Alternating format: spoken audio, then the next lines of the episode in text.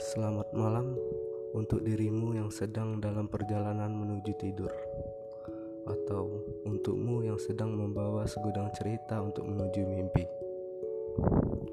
Terkadang cinta itu anugerah alam semesta.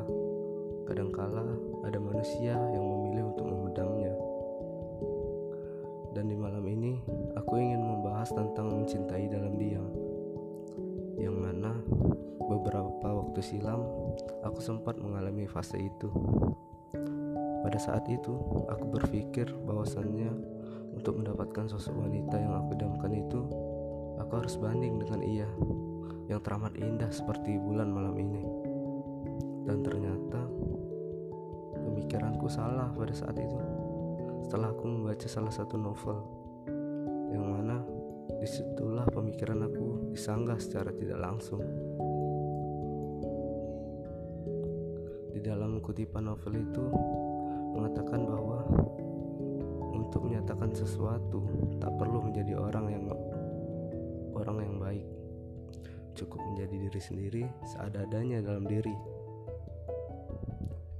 Di situlah pemikiran aku terbuka kemudian menyatakan meskipun tidak di waktu yang ditentukan.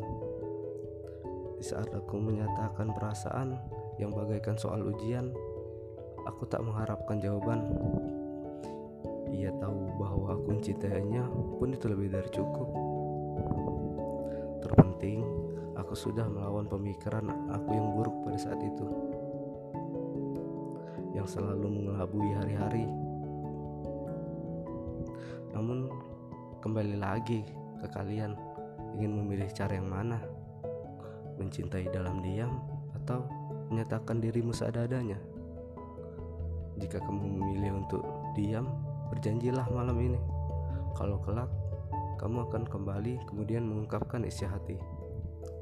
Selamat malam dan selamat tidur tenang untuk dirimu yang di sana.